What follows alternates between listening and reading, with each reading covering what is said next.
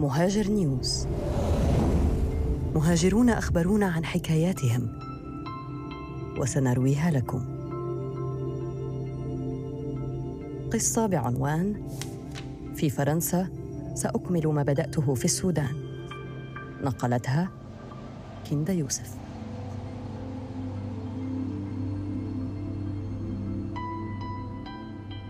قبيل إقلاع الطائرة من مطار السودان زار ذاكرته وجه أمه وإخوانه وصور ماضيه بكل ما فيه من عمل وجهد وتهديد وضرب وإهانات.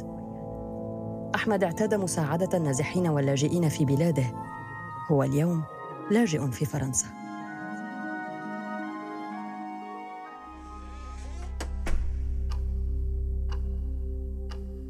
لم تكن الساعة تجاوزت منتصف الليل حين دخلت منزلي. رأيت ظل أمي في غرفة الجلوس. مشيت صوبها. جلست قريبا منها فيما نظراتها مصوبة على هاتفها. قلت لها أمي أريد إخبارك بأمر.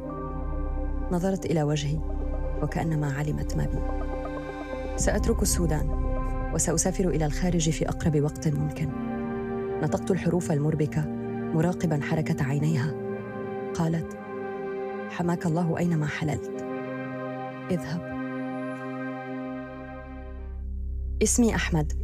بدأت قصتي عام 2016 في جامعة الخرطوم. كنت حينها طالبا في كلية الهندسة ومتطوعا في منظمات مدنية عدة. عملت برفقة زملاء على نشر الوعي المجتمعي وحقوق المرأة والإنسان ومساعدة نازحي دارفور ومن طردوا من أماكنهم وبيوتهم بسبب نزاعات وفوضى خلقها النظام القائم آنذاك.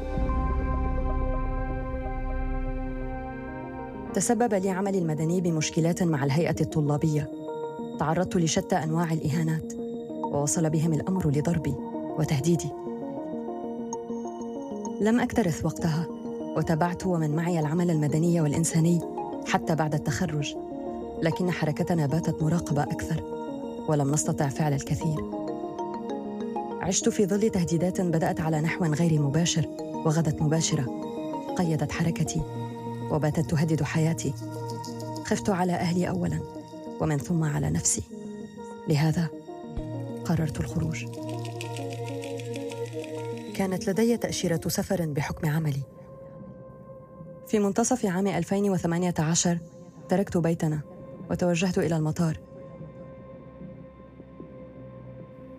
دخلت إلى بهو المطار. مشيت حقيبتي المتواضعة إلى جانبي. كنت قلقا. تجاوزت الخطوات الروتينية. وصلت أخيرا إلى الطائرة وقعدت في مكاني المخصص. قبيل الإقلاع مرت حياتي أمام عيني بلحظة واحدة. رأيت أمي وأبي وإخوتي وأصدقائي والناس والعمل المدني وحياتي والسودان.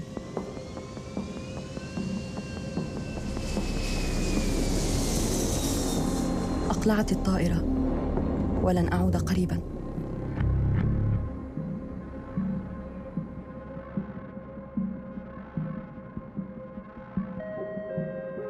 أنا في فرنسا في مطار شارل دوغول قررت التوجه إلى الصليب الأحمر بعد أن بحثت عن مقره. عرفت عن إجراءات اللجوء بحكم عملي في السودان ومعرفتي بقصص السودانيين الذين غادروا البلاد وطلبوا اللجوء. وصلت إلى المكان المرجو.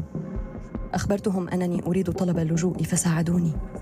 وبعد فترة حصلت على سكن في مركز إيواء في الدائرة الثامنة عشر في باريس.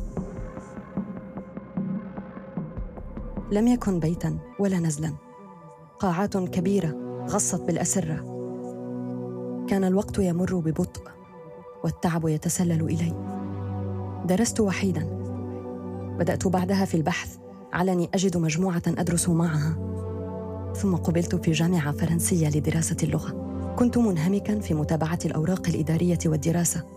لن أترك أيا منهما. سعيت لدخولي إلى الجامعة. قبلت في قسم إدارة الأعمال اختصاص إدارة الابتكار. وفي تلك الفترة حصلت على حق اللجوء. أريد إكمال ما بدأته في السودان. لذا تواصلت مع كل من عرفتهم لإيجاد عمل. إلى جانب الدراسة. اتصلت. اتصلت واتصلت وأرسلت الكثير من الرسائل. وبعدها عرفت عن فرصة في منظمة معنية بتغيير الصورة النمطية للمهاجرين واللاجئين. هذا بالضبط ما أريد العمل عليه هنا. قبلت وبعد فترة أصبح لي دور في إدارة المبادرات. كنت في أحد الأيام مواطنا يساعد اللاجئين والنازحين في السودان. اليوم أنا لاجئ في فرنسا وأعمل على تغيير الصورة النمطية التي تصاحب اللاجئين. لم أحدد جميع أهدافي بعد ولكن أسعى أن أكون إنسانا جيدا وصوتا لمن لا صوت لهم.